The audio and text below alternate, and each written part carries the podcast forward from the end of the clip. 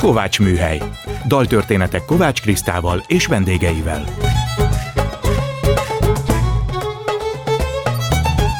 Jó estét kívánok! Kovács Kriszta vagyok, ez itt a Kovács Műhely. Gombhoz a kabátot, daltörténetek másként. Most mindig a vendégemet kérem meg, hogy válasszon egy olyan kedvenc dalt vagy zenét, amiből a beszélgetés elindulhat. A mai indító dalt Bródi János választotta a saját dalaiból. Következik Bródi János előadásában a Magyarok közt Európai című dal.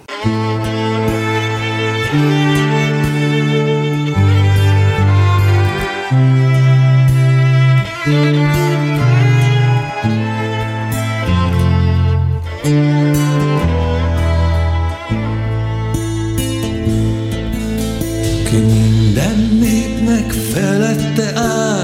Isten, ha vagy, és erre jársz, áld meg lelkét annak, aki magyarok közt európai.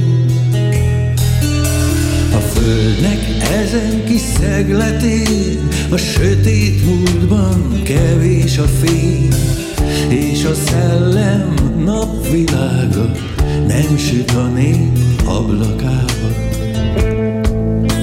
Itt fél homályban ring a bölcső, s hiába is sír a költő, idegennek mondják,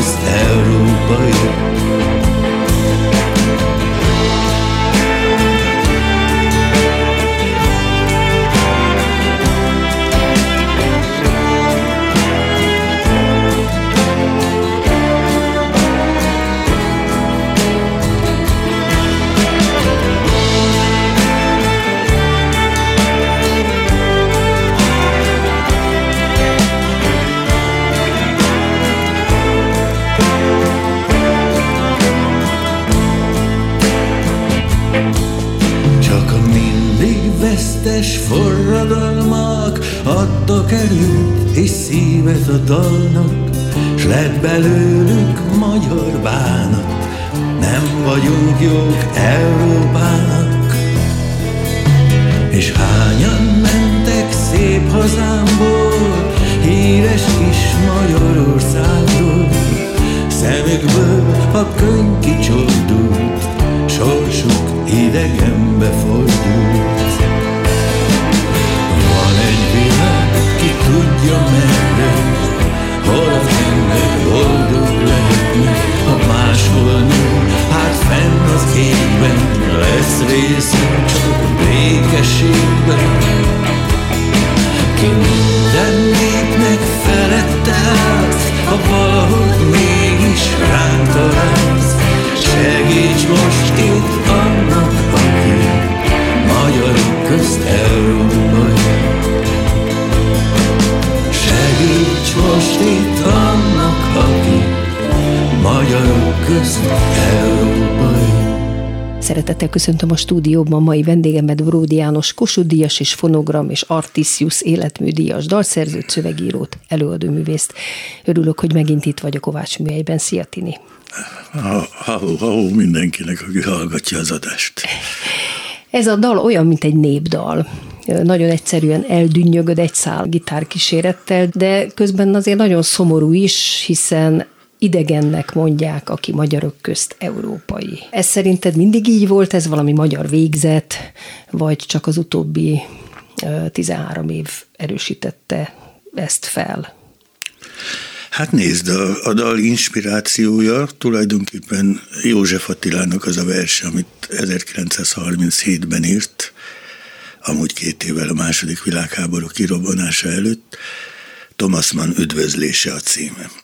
És ebben a versben vannak azok a szinte szállóigévé vált szavak, hogy az igazat mond, ne csak a valódit, valamint az is ebben a versben van, hogy borzadozva kérdezzük, mi lesz még, honnan uszulnak ránk új ordas eszmék. És hát úgy fejeződik be, hogy mi hallgatunk, és lesz, aki csak éppen néz téged, mert örül, hogy lát ma itt fehérek közt egy európait. Hát valójában ez az egyik, hogy úgy mondjam, Ihlető. Igen. Mondjuk így, igen, igen, mert én ezt a verset nagyon szeretem, és aztán... A te dalod az mikor jelent meg? 16? 17? 16-os a, a Ráadás című lemezen van uh-huh. rajta, de azt hiszem, hogy már előbb megjelent egy kis lemezen. Már bőven ebben az időszakban, amit kérdezek. Itt a hazája nem szeretett cím dal B oldalán, vagy az volt az A oldal, ezt már nem tudom, de ezek ilyen régi dolgok. Csak nagyon örültem neki, mert hosszú idő után ez volt a mondhatnám így, hogy 40 év után az első bakelit kislemez, ami, ami megjelent velem.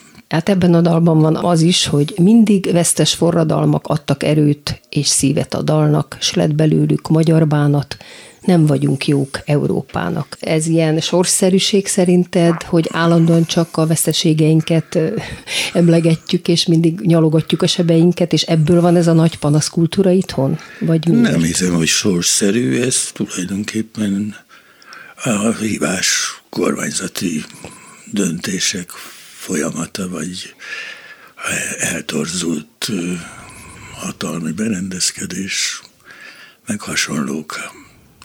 Hát végül is, végül is Európához akarunk tartozni az államalapítás kora óta, és hát azóta él, él az a vágy, hogy mi az európai nemzetek egyenrangú részesei legyünk és persze ezzel együtt él az is, az a fajta hagyomány, hogy, hogy valahogy, valahogy nehogy feladjuk önmagunkat, valahogy meg kell őrizni a saját hagyományainkat. De ez nem mond ellen, szerintem. Időnként úgy tűnik, mintha ellent mondana, ugyanis bizonyos hagyományokat idővel fel kell adni, ez teljesen természetes, a, a történelem folyamata így zajlik, hogy mindig újabb és újabb hagyományok keletkeznek, és a régebbi hagyományok lassan elavulnak. Hányan mentek szép hazámból híres kis Magyarországról, szemükből a könyv kicsordult, sorsuk idegenbe fordult. Ez is évszázadok óta megy, nem, hogy elmennek itthonról, de mintha ez felerősödne, vagy felerősödött volna az utóbbi időben. Hát nyilvánvalóan felerősödött, mert, mert mint nagy tragédiát szokták emlegetni, hogy 1956 után mintegy 200 ezer ember ment el nyugatra, szakadt ki szülőföldjéről, és hát ehhez képest most már legalább kétszer, ha nem háromszor annyian mentek el ebből az országból az utóbbi tíz évben. Hát nem annyira jó tendencia. Tini, te mikor kezdtél el zenét tanulni és énekelni? Hát... Emlékszel rá? Hát zeneszerető családban nőttem fel, úgyhogy volt otthon zongora, amit én gyerekkoromban ütöttem, vertem, aztán jártam zongoraórákra, aztán eluntam a zongoraórákat, de amikor olyan kamaszodni kezdtem a 60-as évek elején, akkor, akkor persze elkezdődött a gitárőrület, a, a gitárhangzás varázsa, és az, hogy nekem volt valami zenei előképzettségem, hogy az ongora órákkal együtt járt valamiféle összhangzattan, meg ehhez hasonlók, azok azért jelentősen segítettek abban, hogy, hogy, hogy megtaláljam az akkori daloknak az akkordjait. Mert hát akkoriban az volt, hogy általában fül után játszottunk mindent, kották nem nagyon voltak. És amikor Kon Zsuzsa közvetítésével bekerültem az Illés zenekarba, teljesen váratlanul elhívtak egy, egy koncertre egy próbajáték után, de akkor még nem volt egyáltalán biztos az, hogy én felvétel nyertem, de aztán elhívtak egy koncertre hip-hop, gyere el, este te, te játszol a gitáron. Igen, mert ez hogy a, ment akkor, ugye? Mert az akkori gitáros fölmondta a szolidaritást, és valamilyen okból kilépett a zenekarból, több elmélet van, hogy miért, de hát most már ez már Ez már az Illés zenekar volt? Ez már az Illés zenekar volt, ami akkoriban elég népszerű zenekarnak számított már. Ez egy ilyen szalagavató bál volt, uh-huh. ahol, ahol a megjelenés és komplikált volt egy kicsit, mert nem akartak beengedni, mert mondta, mondtam, hogy azt az üzenetet kaptam, hogy ma én itt fogok játszani, és a kapuban álló szigorú őrök mondták, hogy öcsi, ne próbálk az ilyen hülye dumával, nem hülye, fogsz. Hülye duma, igen. De aztán és jött, akkor úgy mentél be. Jött az illés karcs, és mondta, de igen, az öcsi tényleg velünk fog játszani, és bevitt, és hát ő már ismert volt, és akkor rámadták a zenekari egyen kabátot, a zenekari egyen nyakkendőt, mert az is aha, volt aha. nyakamba. És tudtad a műsort? Hát nem tudtam a műsort, erre igen. Erre fut ki ez a kis történet, hogy a, hogy a Lajos rám nézett, és látta, hogy hát azért nagyon ideges vagyok, és mondja, hogy ne félj, ne izgulj, minden dal előtt bemondom, hogy milyen hangnembe vagyunk. és Ennyi. akkor tessék, igen. Innentől kezdve. Ennyi volt az segítség. De hát akkoriban három-négy akkornál több sose volt egy dalban, úgyhogy nem volt az ilyen nagyon nagy de te műszaki pályára készültél akkor, ugye? Hát akkor, akkor még éppen érettségi előtt voltam, és aztán miután a Puskás Tivadar távközlési technikum volt a középiskolám, ami hát igazából nem is érettségit adott, csak képesítőt, úgyhogy ez egyetlen tovább lehetőség az a műszaki egyetem volt, amit egyébként én gondoltam is magamnak, úgyhogy a Budapesti Műszaki Egyetem villamosmérnöki karára jelentkeztem, és aztán azt el is végeztem. Ja, akkor, akkor már a zenél, zenélés mellett jártál. Hát a zenélés mellett. Úgy tulajdonképpen az első években még azért hetente maximum egy vagy két buli volt, és azért volt idő bejárni az egyetemre.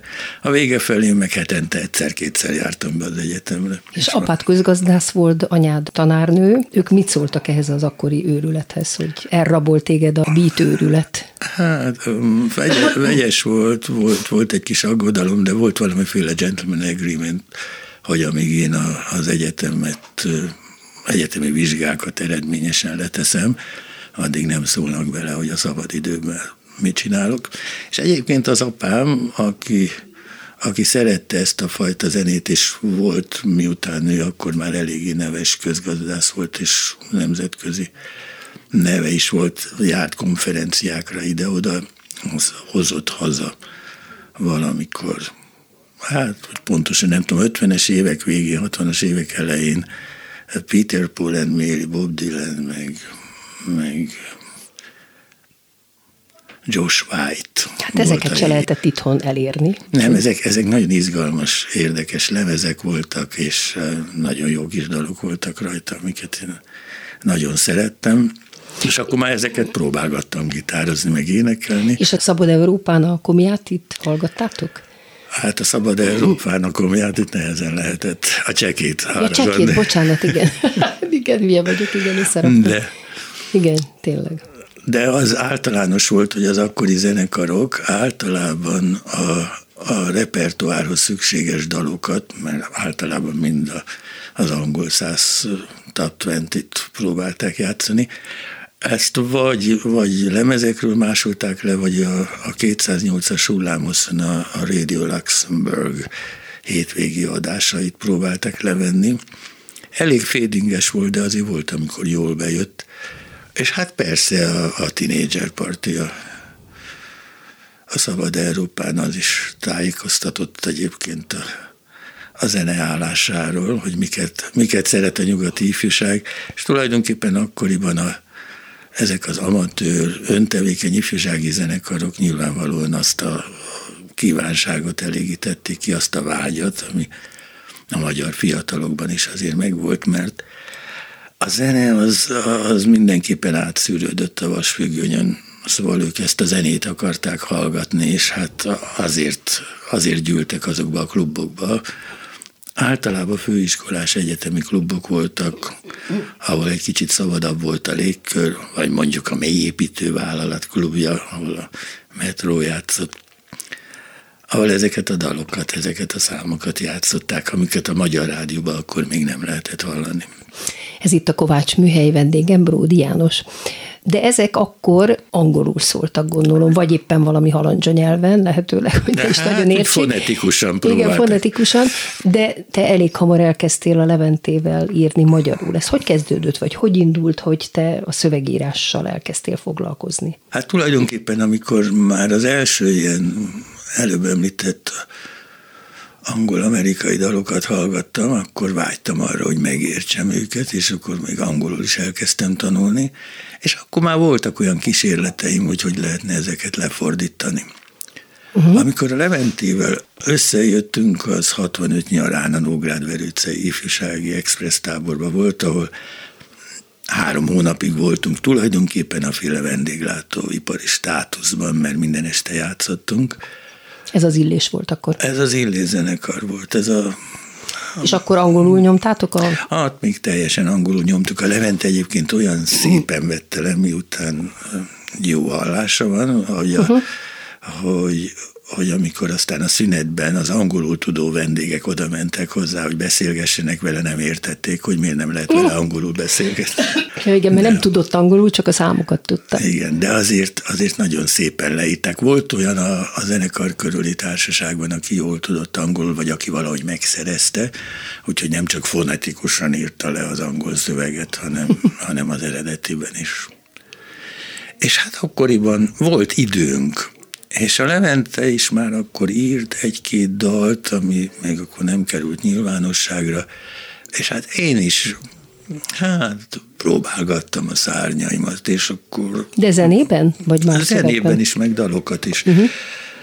Volt egy olyan, ez a, ez a legendához az tartozik hozzá, hogy egy, egy ilyen barakba laktunk mi a féle személyzeti szállásként, és ez egy a lapos tetejére napközben, közben a többiek söröztek, meg csajoztak, mi fölvittük a gitárerősítőket, meg széket, meg talán egy-két üveg sört, ezt, azt, és akkor ott gityiztünk, és akkor ott ott írtuk meg az első, első saját dalokat.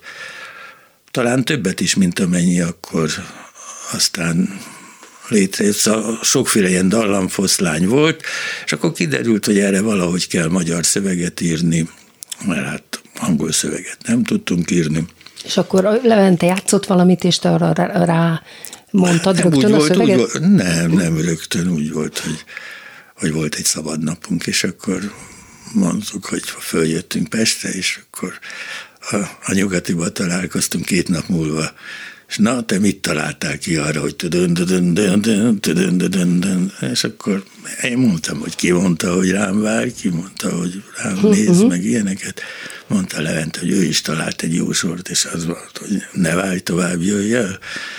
És akkor jó, hát mind a kettő jó, akkor ezt akkor rakjuk betesszük, össze, és akkor a többit. Aztán mm, nyilván nagyon hamar kiderült, hogy azért a, a, a zenei akkordok területén a Leventének gazdag a fantáziája nálam, én meg a, én meg a szavakat ismerem jobban, és hát, hogy kiderült, hogy van valami adottságom ahhoz, hogy az énekelhető szavakat olyan sorrendbe írjam egy adott zenei struktúrára, hogy még valami értelme is legyen a végén.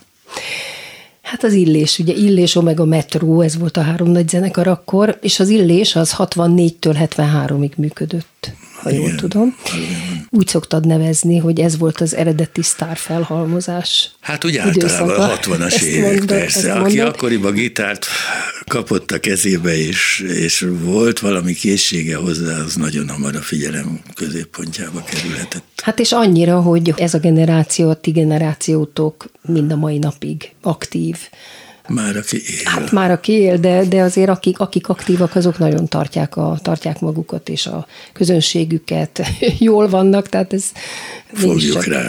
fogjuk rá, fogjuk rá. Ö, 73-ban jött az, hogy betiltottak benneteket. Nem igazán 73-ban.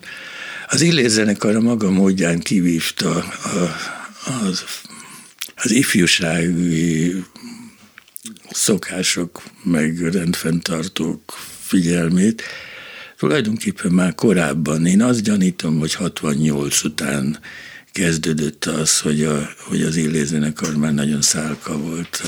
Azért, akkor... mert a te szövegeid az ilyen dupla fenekű szövegek voltak? Hát Nézd, én azért 68 előtt nem nagyon gondoltam arra, hogy én dupla fenekű szövegeket írok. Én írtam, hát 68 eszem, után úgy értem, igen. Írtam, ami eszembe jutott, és aztán csak úgy kiderült később, hogy hát ezek esetleg egy olyan gondolati vagy érzelmi világot tükröznek, ami máshol nem nagyon kerülhet mondjuk nyilvánosságra.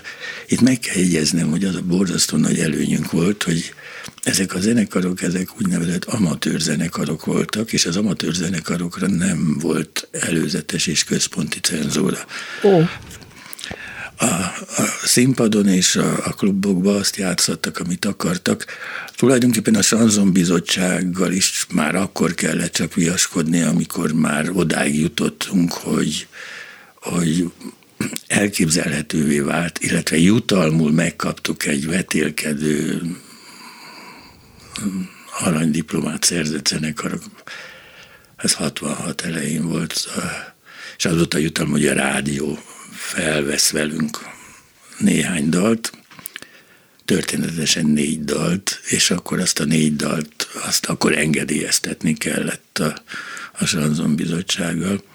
De ez az első négy dal, amit a rádió felvett, ez alapozta meg a, az Illés zenekarnak, mondjuk úgy, hogy a, hogy a profilját, vagy stílusát, vagy a jelentőségét, mert hát ez volt az első magyar nyelven megjelent, úgymond ilyen rock zenei, egy négy számos kislemez, ezt azért merem ilyen bátran mondani, mert akik a magyarok történetével komolyan foglalkoznak, tanult kollégák is mondják, hogy ez a magyar rockzene origója az 1966-ban megjelent négy számos kislemez, amin az utcán című dal volt, a Légy jó kicsit hozzám, az Ómond és a Mindig veled című.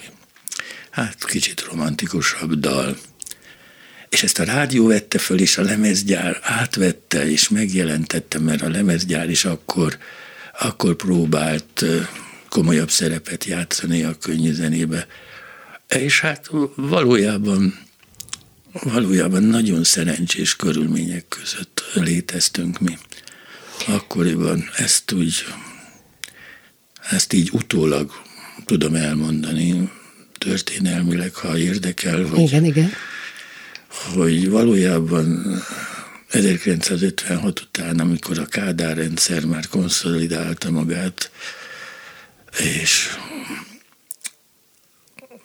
és úgy érezték, hogy, hogy az a generáció, ami 56-ban még gyerek volt, és nem vett részt az eseményekben, azt most már hagyjuk békén, és ne büntessük. Tehát olyan 63-64-től kezdve Magyarországon lényegesen nagyobb volt a, a fiatalkorúak cselekvési szabadsága, mint a környező, szintén szovjet birodalomhoz tartozó szocialista országokban.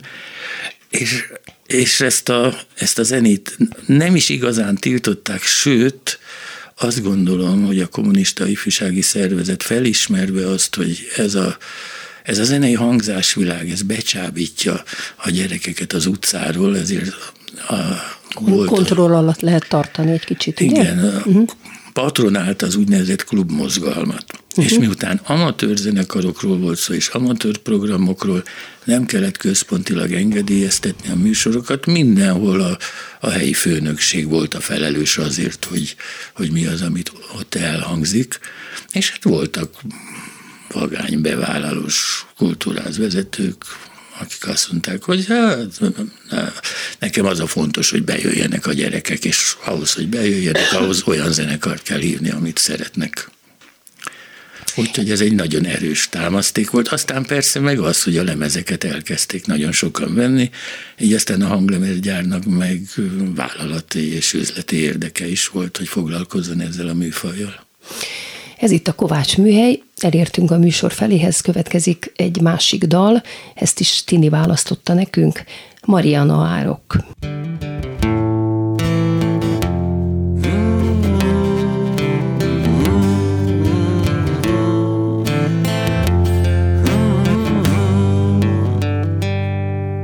Te ne azt mondd, hogy mit tennél megértem.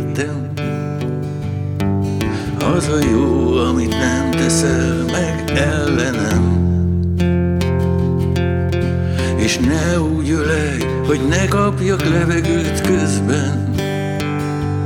Inkább próbáld meg úgy, hogy nekem is jó legyen. Kérlek, hidd el, jobb lenne úgy, hogy ha figyelnél kicsit rám, és nem állnánk egymással szemben a Mariana árok két oldalán.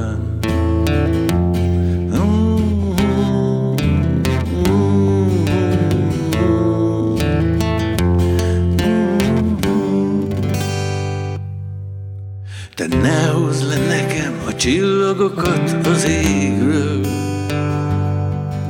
Csak ne húzd ki a földet a lábam alól. Benned a dob, meg a basszus zagatol folyton. Az én lelkemben a dal is másként szól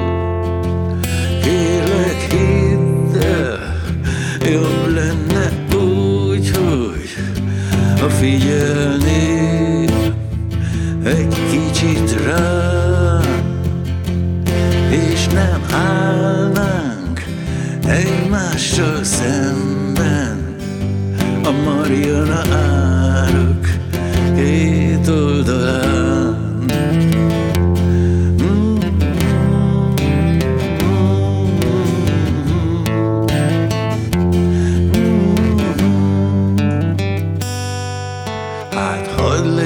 Az, aki eddig is mindig voltam. Ha szeretsz, fogadj el úgy, ahogy vagyok. És ha nincs szükséged rám, azt is megértem. Én csak védtelen áldozatokat vigasztalok. De kérlek, hidd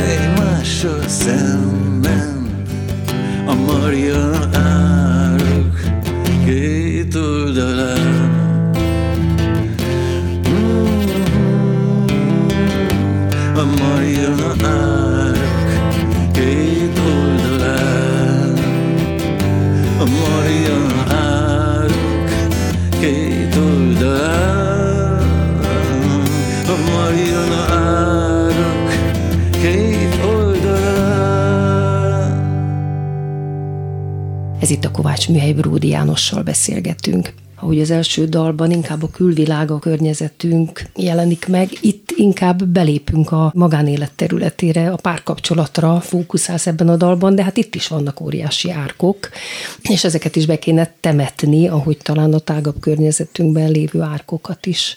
Hát tudod, ez úgy van, hogy ez, az a, ez a dal, amit utoljára írtam. Konzsuzsinak írtam tulajdonképpen a, a, a Szabad, a Szabadnak születtél című nagy lemezére, és hát azóta nem írtam. És lehet, hogy ez az utolsó dal, minden esetre eddig ez volt.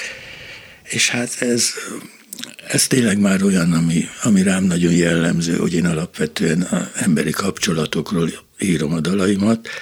Olyanokról, olyan kapcsolatokról, amelyek esetenként összeköthetnek két jó barátot, egy szerelmes párt, magánéleti viszonyokat is jellemezhetnek, de ha ezek nagyon általánosak, és jellemzőek a közösségben előforduló sokféle emberi viszonylatra, akkor ezeknek egy idő után mindenképpen van valamiféle társadalompolitikai értelmezési lehetőségük.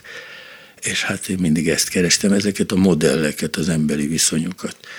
És hát ez a dal is egy kicsit arról szól, hogy meg kéne értenünk egymást, mert a legnagyobb tragédiának azt a megosztottságot tartom, amiben most élünk.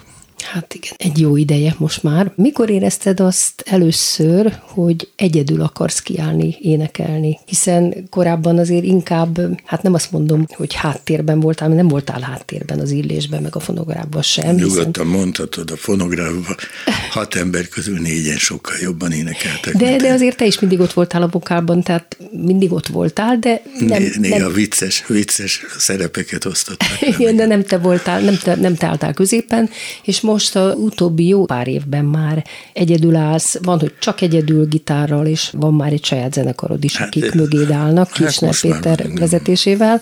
Ez mikor volt először? Ez valamikor a 70-es évek végén kezdődött el, amikor a Várszínházban, ahol most a főnökség kapott helyet, ott Ja, ami a Karmelita lett. Igen, igen, igen, igen, igen erős a gyanom, hogy az első fellépéseim valahol ott voltak, ahol most a miniszterelnök dolgozó szobája van.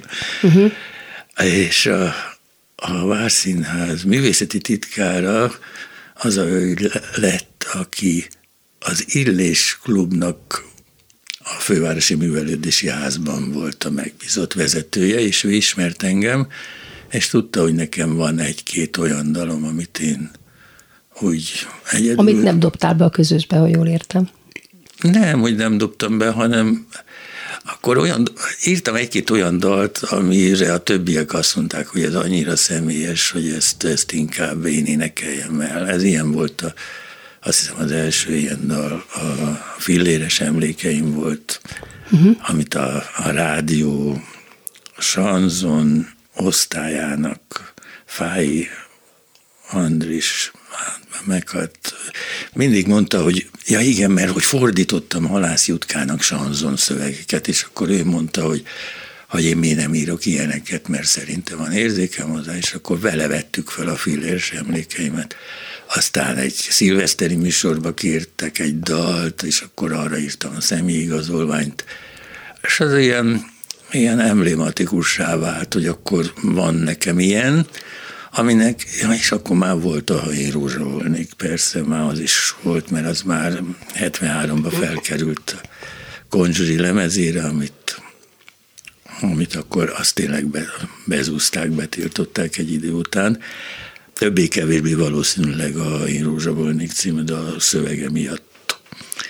És akkor így elkezdtem, elkezdtem ilyen önálló kis fellépéseket. Ott egyébként ott lépett föl a Jobba Gabi, Jordán Tamás, Cseh Tamás, ezek ilyen kis Ja, meg az egyetemi színpadon is léptél És sokat. aztán ez az egyetemi színpadon is áttevődött, de én ezt olyan melléküzemágnak gondoltam nagyon sokáig.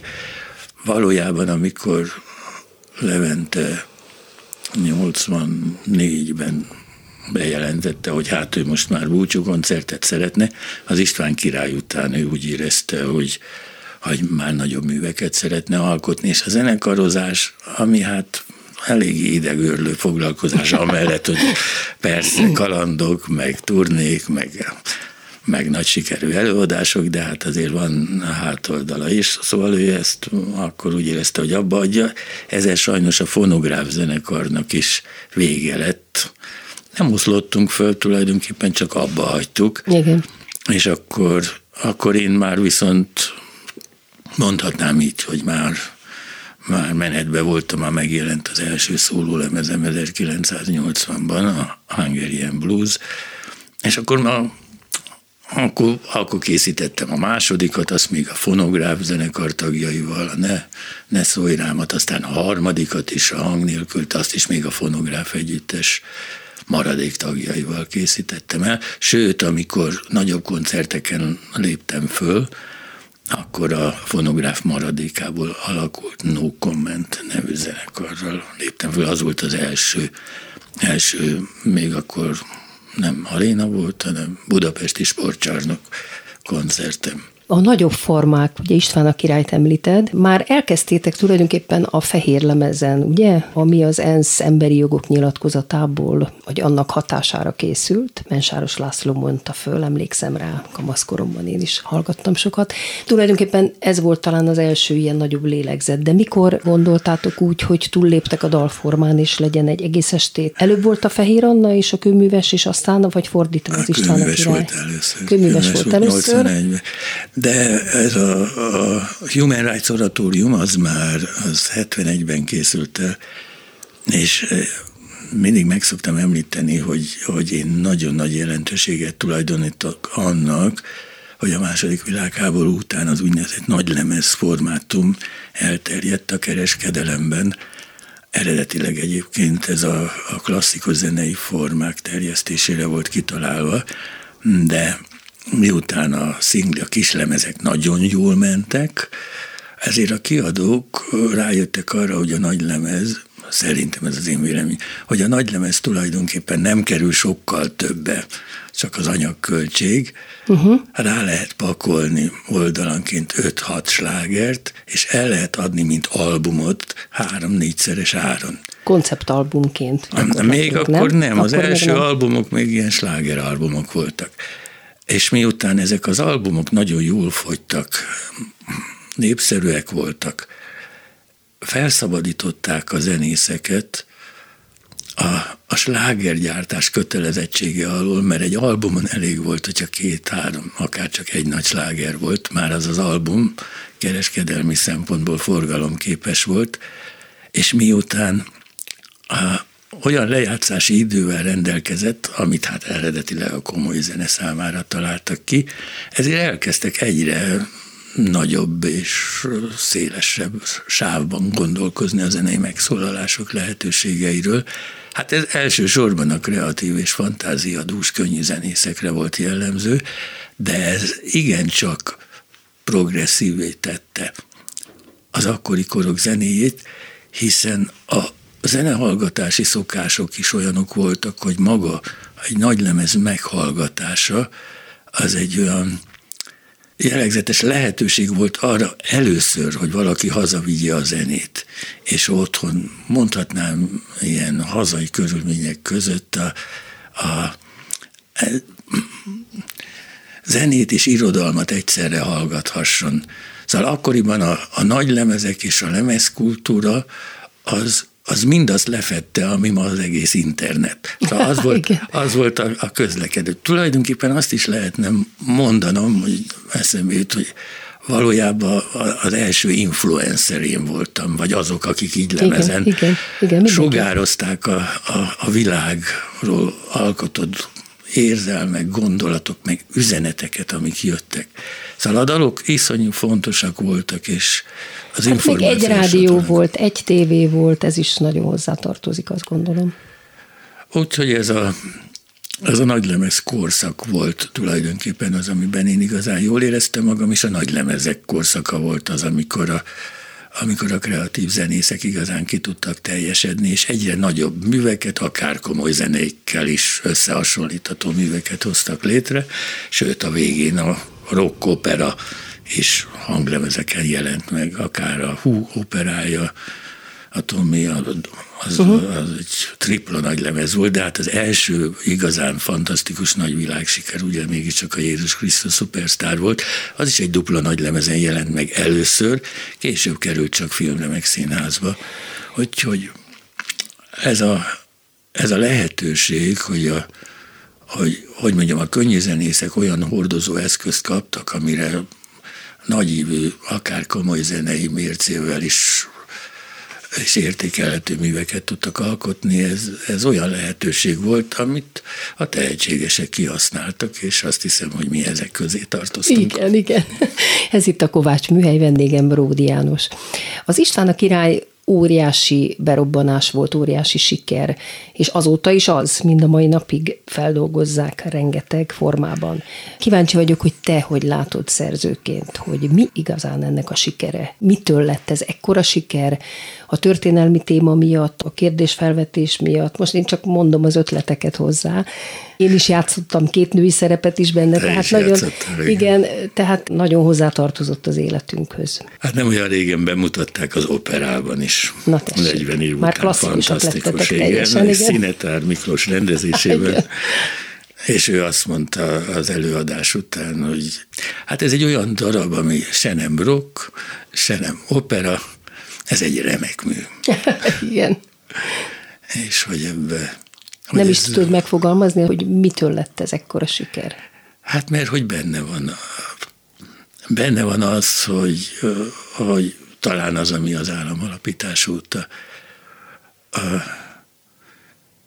jelen van a magyar közéletben, hogy egyszerre szeretnénk a, a nyugathoz tartozni, és progresszív, virágzó nyugati életformák felé törekszünk, miközben azért a, a hagyományokat és a szokásainkat megőrizve nem szeretnénk feladni a, a különleges egyediségünket és sajátosságainkat. És sajnos a magyar történelem folyamán ez az ellentmondás, ez folyamatosan újra meg újra megjelenik. Igazán ritkák azok a, a történelmi korszakok, amikor a haza meg a haladás követői egymás mellett, egymást kézen fogva tudták, a, tudták az országot, hogy úgy mondjam, jobb irányba terelni, és manapság úgy látom megint, hogy ez a ez az ősi, ősi viszály, és mondhatnám, turáni átok, ez, ez megint rendkívül erősen jelen van a magyar közéletben. Egyébként ti magatok is leképezitek ezt Leventével, a ti viszonyotok is ilyen. Bizonyos értelemben. Bizonyos értelemben. Volt ez viharosabb is, nem tudom, hogy most hol tart, talán ez most már konszolidáltabb, hiszen ti olyan vagytok, mint a Lennon McCartney, tehát nem lehet titeket, Szörényi Bródi, ezt nem lehet szétválasztani. Nem, persze. Tehát ez van egy csodálatos életművetek, és ez mindenképp összeköt benneteket. Hogy éled meg azt, hogy ahogy korábban is volt, hogy cenzúrázták a dalaidat, most meg úgy gondolom, hogy nem biztos, hogy mindenhol szívesen látnak téged. Hát nem, Valahogy nem hívnak meg.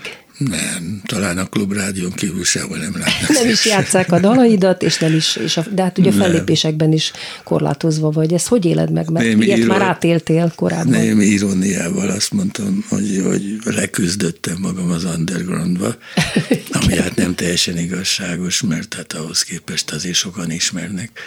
De a, a, a nyilvánosság tekintetében a, a médiat támogatás az körülbelül annyi, mint, a, mint az undergroundnak. Szóval nagyon sok helyen vagyok, nem kívánatos személyiség. Néha már azt gondolom, hogy, hogy nem is csak a dalok miatt, hanem úgy általában azért, mert egy, Hát mert, mert egy olyan, olyasfajta polgári étos sugárzok, ami semmiféle diktatúrát nem tud lelkesen éjjenezni, és ez úgy, ahogy régen, úgy ez most is bennem van nem igazán figyelem rokon szemvel azt, ami ma az országban folyik, és azt gondolom, hogy elég rossz vége lesz. Mi a mi felelősségünk? Úgy értem, a művészek felelőssége ma. Hát van, valamennyi van persze. De nézd, ez a műfaj, amiben én vagyok, ez azért mégiscsak én azt szoktam mondani, a féle zenei, irodalmi, iparművészet, uh-huh. ahol jól megférnek egymás mellett a, az iparosok is, meg a művészi igényességgel dolgozók. De hát természetes, hogy a, a, az iparosok azok készen állnak arra, hogyha a hatalom, éppen regnáló hatalom valamilyen kívánságát megfelelő ellenszolgáltatás fejébe teljesítsék. Tehát azok is jól működnek.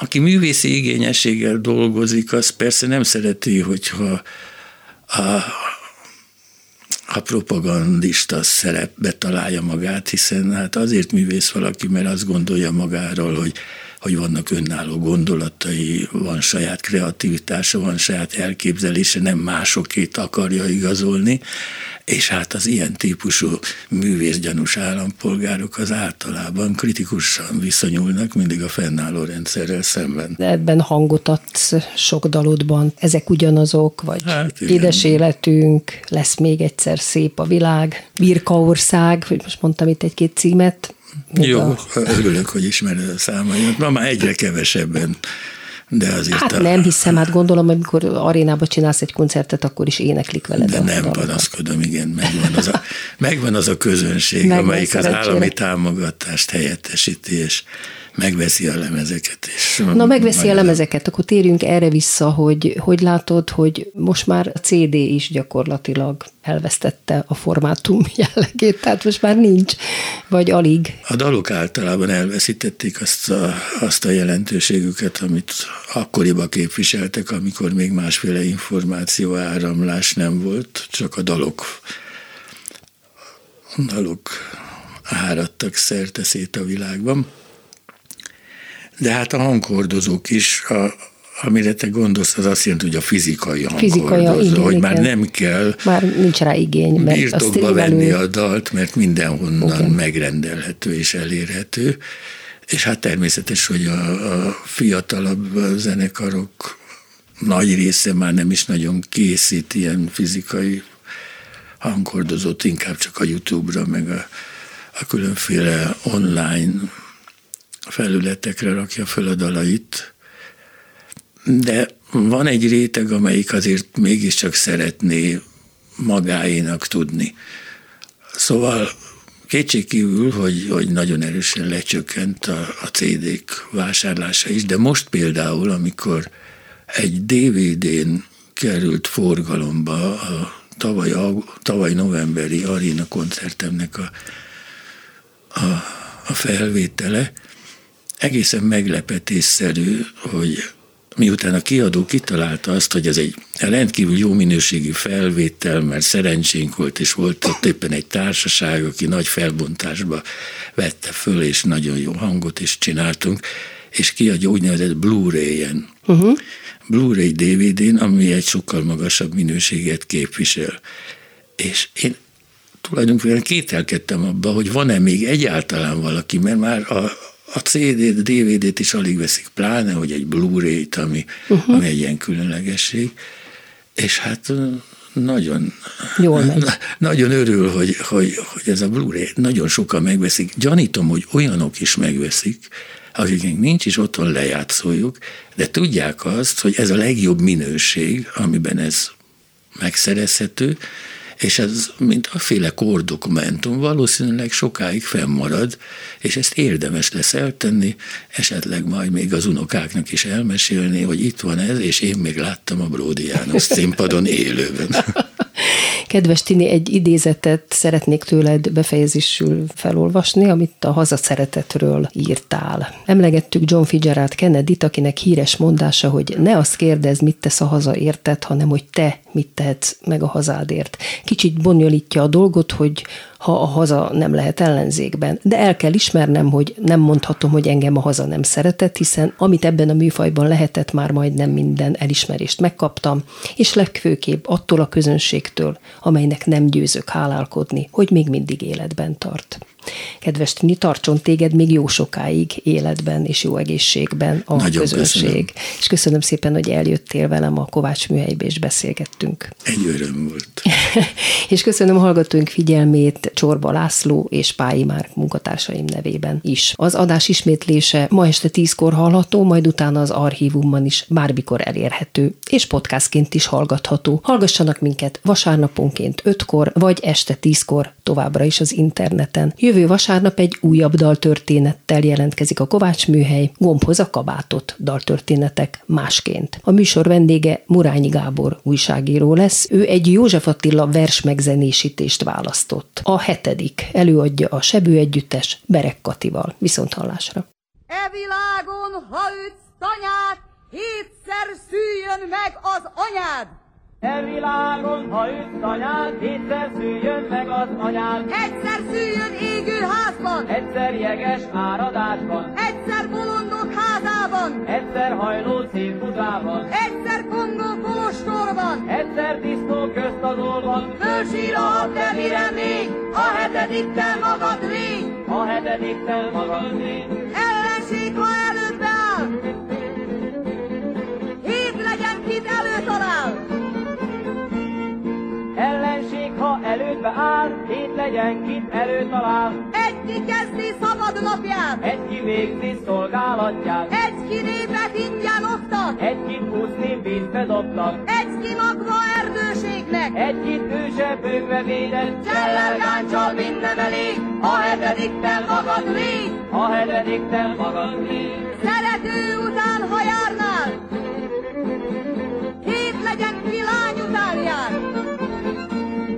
Szerető után, ha járnál, hét legyen ki lány után jár. Egy ki szívet ad szabályért, Egy ki megfizet magáért, egy ki a merengőt adja, egy ki a szoknyát kutatja, egy ki tudja, hol a kapocs. egy ki kendőcskére tapos, Dongják körül, mint hús a légy, a hetediktel magad légy. a hetediktel magad légy. A költenés van rá költség, azt a verset hetem költség. Ha költenés van rá költség, azt a verset heden költség. Egy ki márványborrat falu, Egy ki mikor szülték aludt, egy ki eget mér és bólin, egy kit ha szól levél szólít, egy ki lelkét üti nyílbe, egy ki patkány goncol élve, kettő vitéz és tudós légy, a hetediktel magad légy. a hetediktel magad légy. Ha mindez volt, ahogy írva, hét emberként szállja sírva, Ha mindez volt, ahogy írva, hét emberként szája sírva, egy ki teljes kebel ringat, egy ki kemény mellutánkat, egy ki elvett üres edény, egy ki győzni segít szegény, egy ki dolgozik pomolva, egy aki csak néz a holdra, világ sírköve alatt még, a hetedikten magad légy, a hetedikten magad légy.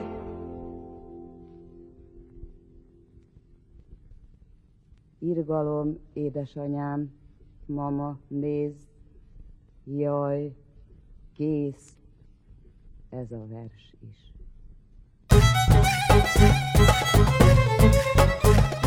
Kovács Műhely.